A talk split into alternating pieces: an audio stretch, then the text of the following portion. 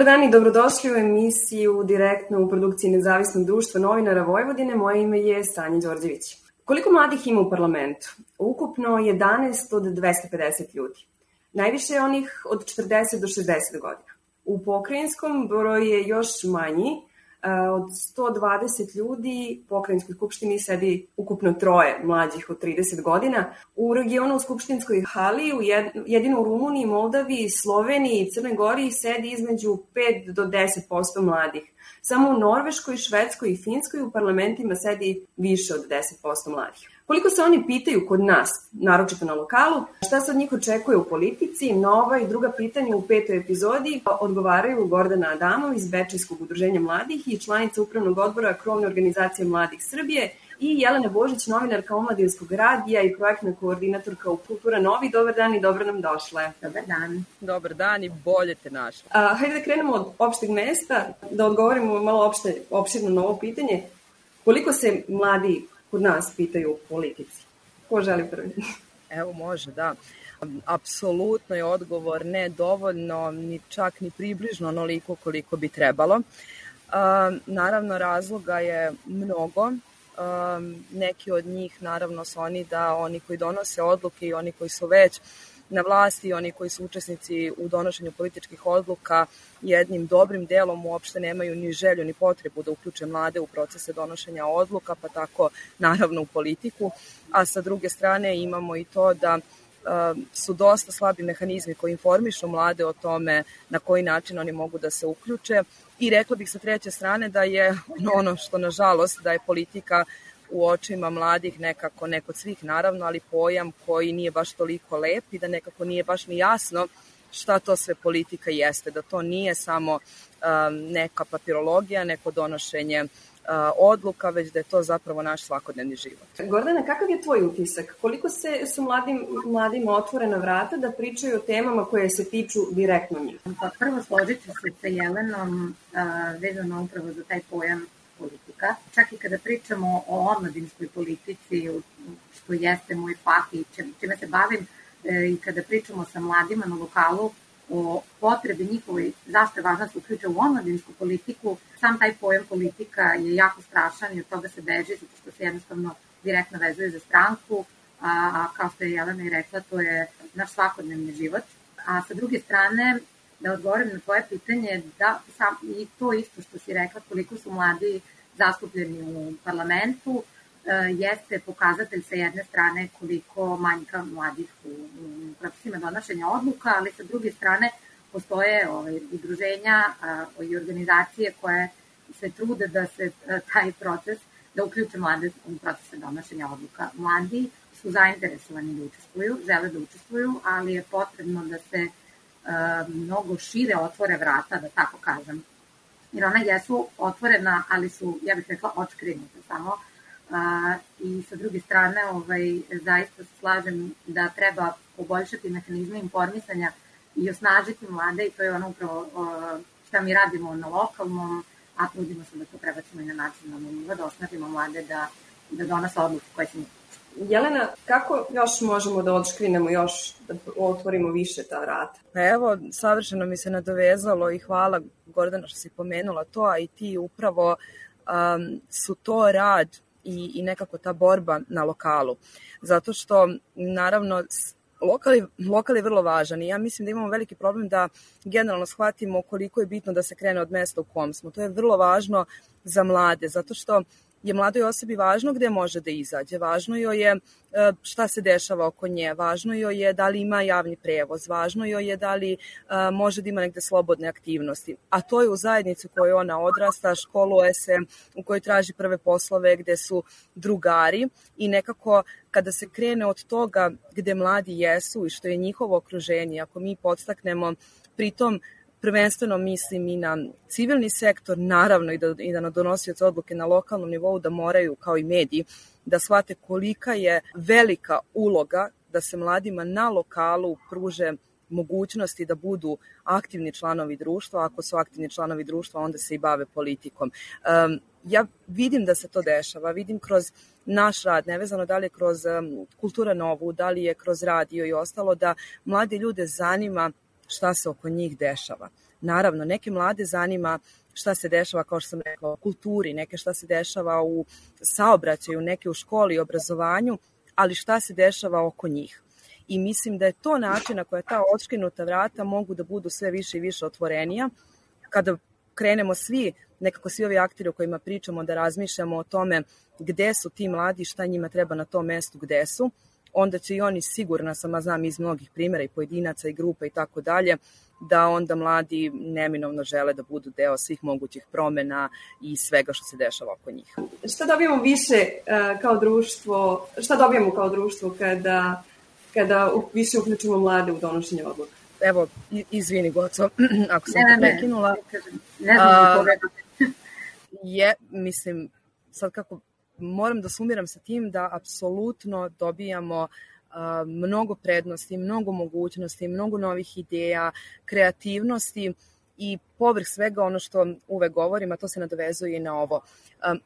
Ja ne volim kada ljudi kažu mladi su naša budućnost. Ja smatram da su mladi naša sadašnjost i da su oni sad tu kreiraju, sad postavljaju temelje, stepenice za neke opet druge mlade i tako dalje ono što je moje iskustvo, kad god su mladi uključeni u neke procese, to su procesi koji su kvalitetni, koji su energični, koji su inovativni, koji su na kraju krajeva u skladu sa vremenom u kom živimo, jer nekako mislim da ljudi, prosto to je nekako i prirodno, što si stari, naučiš neke malo i brase ponašanja i ostalo i i na tom tragu mladi zaista donose jednu novu svežinu u bilo kom polju i kod ljudi koji decenijama rade neki posao i kod ljudi koji su ušli u neku rutinu i to je jednostavno benefit apsolutni za, za obe strane.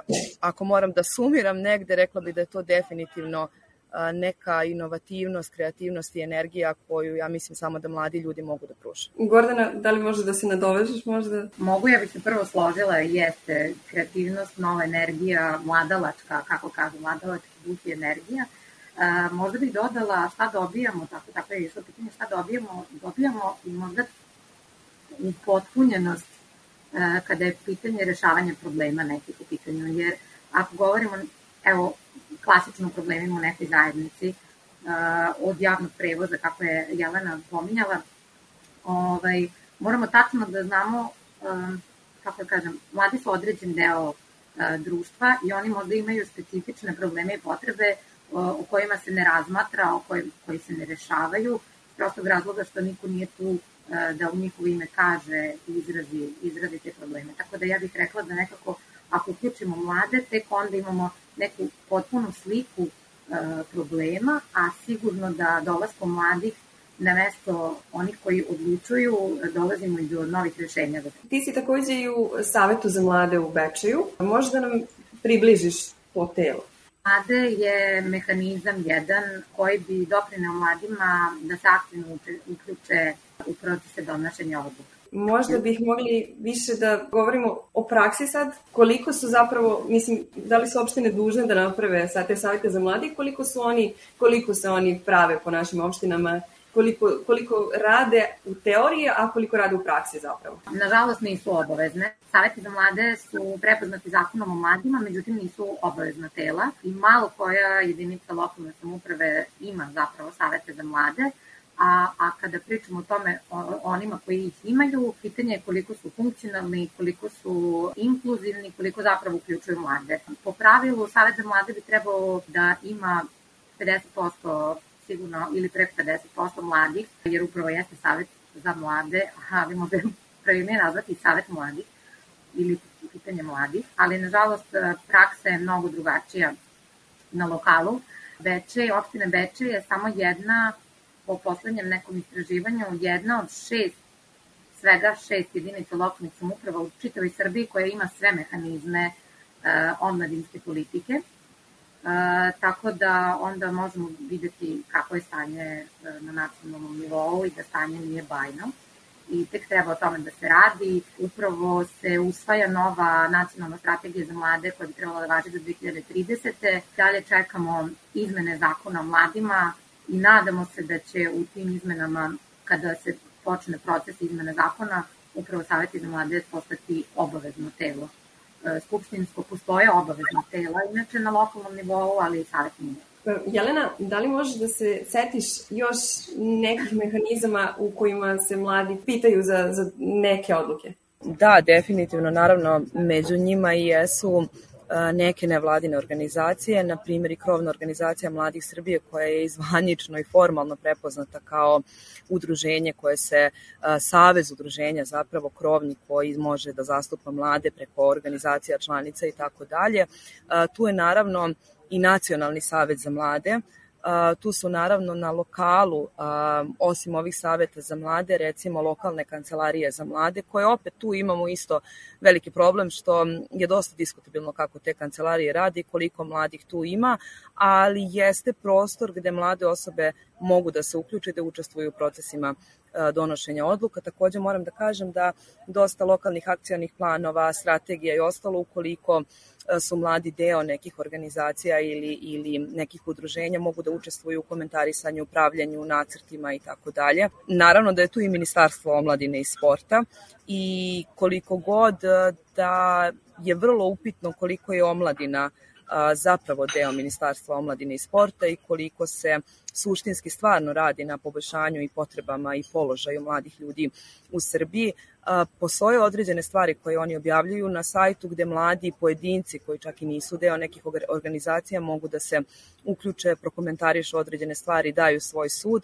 Tako da to su neke stvari, ali definitivno neki prvi korak za svaku mladu osobu jeste zapravo neko angažovanje kroz volontiranje, kroz neku organizaciju, pa kroz taj neki aktivizam. Meni je bilo baš nedavno, juče ili prekjuče smo radili priču upravo oko Prajda, oko aktivizma, ljudskih prava i tako dalje i ove kolege iz regionalne kancelarije za mlade kažu da kada dođe se do aktivizma koje se tiče ljudskih prava, da mladi imaju najveću kočnicu upravo zbog određenih političkih narativa, pritisaka, nekad i zbog toga što ne razumeju administraciju procese i negde su kroz svoje istraživanja došli do toga da sve te stvari treba svesti na govorni jezik mlade osobe kako bi ona mogla da se priključi svim ovim mehanizmima. Gordana, ti si pominjala u razgovoru participativno budžetiranje. Kako to veze ima sa mladima? Ja bih samo da se nadovežem, pošto opet mi je internet konekcija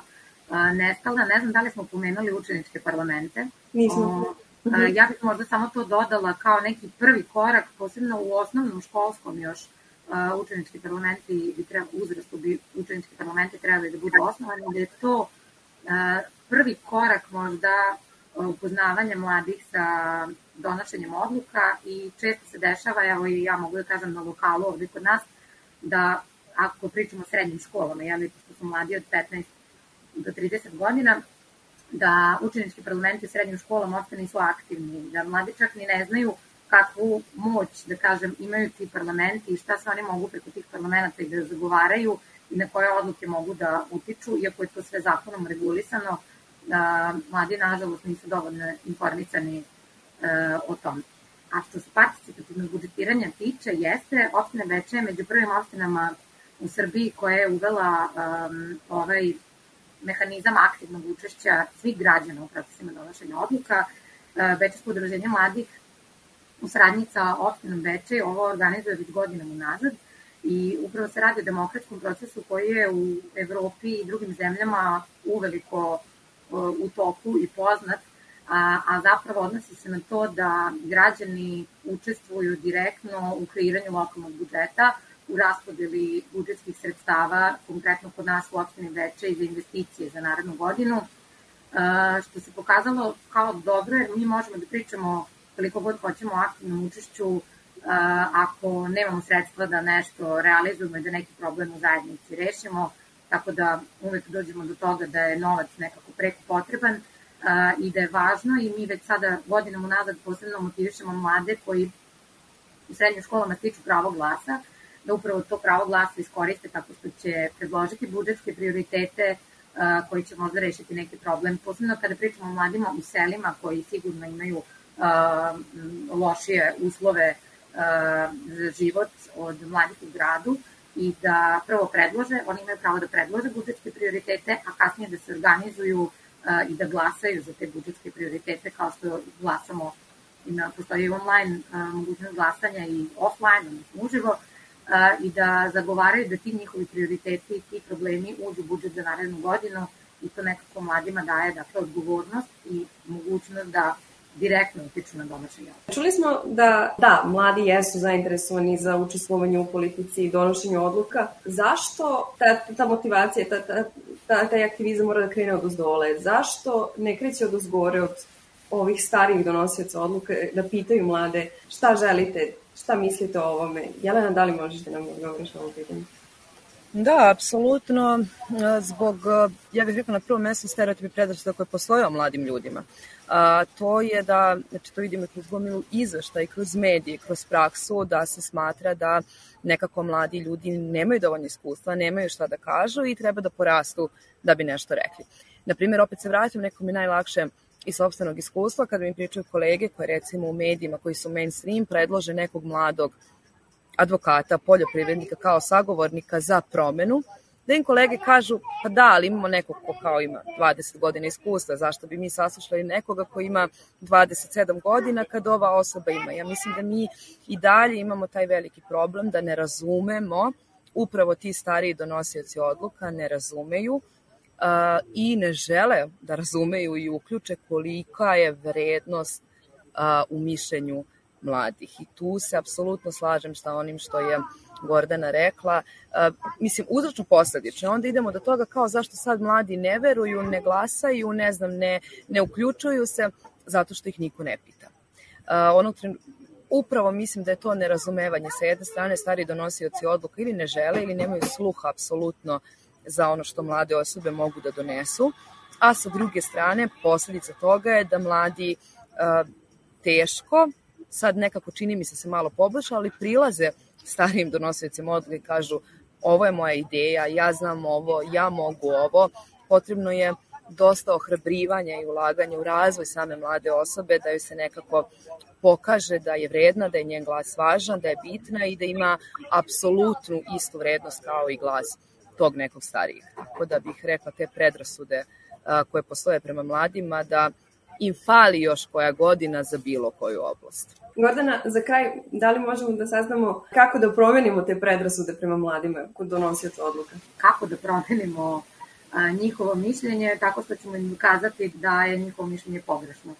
Sada možemo da pričamo o tome kako to da radimo, ali definitivno jeste da uključimo mlade, da ih osnažimo, da ih pitamo i mediji tu igraju vrlo važnu ulogu. Možemo, posebna tema je položaj mladih u medijima i slika mladih u medijima i kako se njima izveštava, ali verujem da sad danas posebno, kako da kažem, i postojanjem interneta danas možemo da vidimo mlade osobe koje se u lokalnim zajednicama bore za promene, koji mogu da budu na taj način i motivacija drugim mladima da, da pokrenu promene u svojoj zajednici. Ja bih se samo još kratko uključila i rekla da e, postoje još neki mehanizmi aktivnog učešća u Bečeju koji bi možda bili zanimljivi i svim mladima koji slušaju postoji mehanizam koji se zove građanska stolica, koji nije sad samo aktivno u Bečiju, postoje još neke lokalne samuprave, gde svi građani, bez obzira da li imaju pravo glasa ili ne, direktno mogu da učestvuju na sednicama lokalnog parlamenta i da se direktno obrate odbornicima po nekom pitanju, po tački dnevnog reda,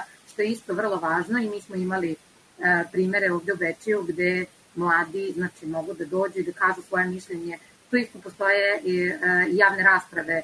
I sve više vidimo mladi koji su ohrabreni da izađu na javnu raspravu, da kažu e, njihovo mišljenje i da tada donosioći odluka shvate da, da to nije da, cveće i drveće i da njih samo ne zanima cveće i drveće i da imaju, da je 15, 16, 17 godina sasvim dovoljno godina životnog iskustva da da izrazu svoj stav i da predlože konkretno rešenje problema. Ovim primjerom dobre prakse završit ćemo ovu emisiju. Hvala vam puno što ste bili naše gošće. Uh, još jedna stvar, ova emisija je realizovana uz finansijsku podršku programa tranzicione saradnje Republike Češke. Hvala vam što ste nas pratili. Prijetan dan.